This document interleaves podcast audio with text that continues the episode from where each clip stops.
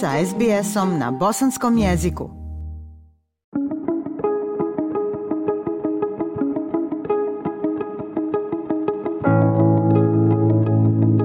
Slušate program SBS radija na bosanskom jeziku.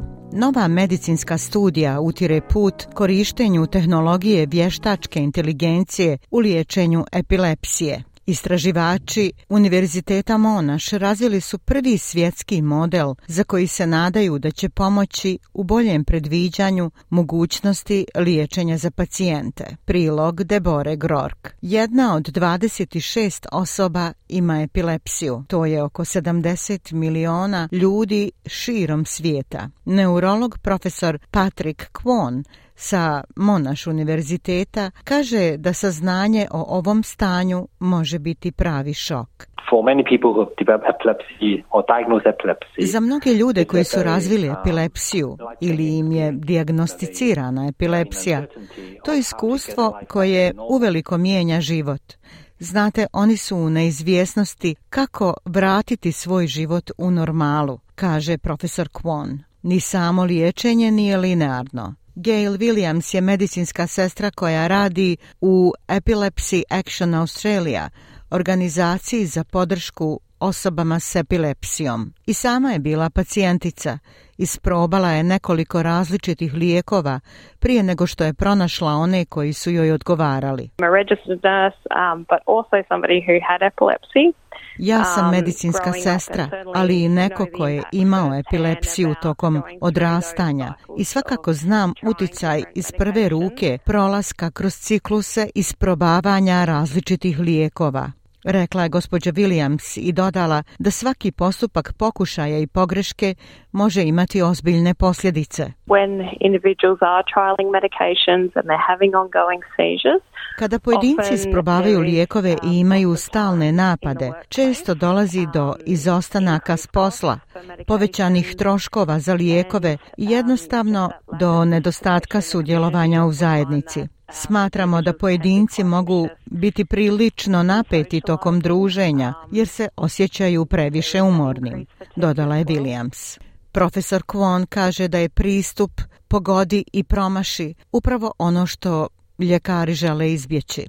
On je upravo u uticajnom časopisu Yama Neurology objavio rezultate studije o novom modelu koji koristi vještačku inteligenciju za uklanjanje nekih nagađanja. What we've developed is a model that allows us to have a more Ono što uh, smo razvili je model koji nam omogućava da imamo personalizirani to jest lični pristup, tako da uzimamo u obzir karakteristike pacijenta, a onda model može doći do predviđanja šansi reakcije pacijenta na niz različitih lijekova, kako bismo mogli dobiti pravi lijek u prvom pokušaju, kaže profesor Kwon. Model je koristio kliničke informacije od 1798 pacijenata širom svijeta u zdravstvenim centrima Australije, Malezije, Kine i Velike Britanije. Vanredni profesor Zong Yang Geer predvodio je univerzitetski tim tokom studije medicinske vještačke inteligencije how the works is, is basically takes input, Način uh, na koji funkcioniše je u osnovi da uzima podatke iz kliničkih medicinskih izvještaja, kliničkih variabli kao što su dob, spol, prethodne povijesti bolesti, kao i lijekovi koji su koristili u posljednjih nekoliko godina. Ali mi također dobijamo povratne informacije da li ovaj lijek djeluje ili ne djeluje na ovu vrstu pacijenata rekao je profesor Zongyang Ger. Profesor Kwan kaže da su do sada imali ohrabrujuće rezultate. Sljedeći korak je kliničko ispitivanje, a ono će započeti sljedeće godine zahvaljujući bespovratnoj pomoći od skoro 2,5 miliona dolara Nacionalnog zdravstvenog vijeća za medicinska istraživanja. It will be a multicenter study across Biće to studija s više centara u svih šest država u Australiji, tako da je vrlo uzbudljivo. Svi glavni centri za epilepsiju biće uključeni, kaže profesor Kwan. Istraživači upozoravaju da ovu tehnologiju ne vide kao jednostavno rješenje za epilepsiju. Razvijanje vještačke inteligencije kako bi je učinili što djelotvornijom za korištenje ljekarima potrajaće još neko vrijeme a profesor Kwon kaže da ona nikada neće zamijeniti ljekare, specijaliste i njihove savjete. Neurolozi su izrazili zabrinutost kako bi to moglo uticati na njihov odnos između pacijenta i ljekara.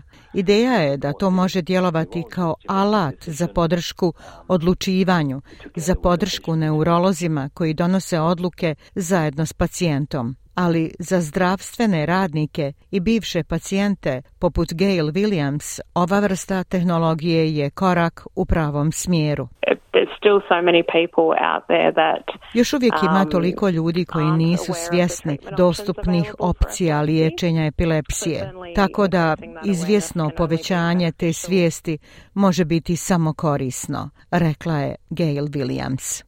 Ja sam Aisha Hadži Ahmetović. Ostanite i dalje uz program SBS radija na bosanskom jeziku. SBS na bosanskom. Podijelite naše priče preko Facebooka. Želite poslušati još ovakvih priča? Slušajte preko Apple podcasta, Google podcasta, Spotify ili kako god da primate svoje podcastove.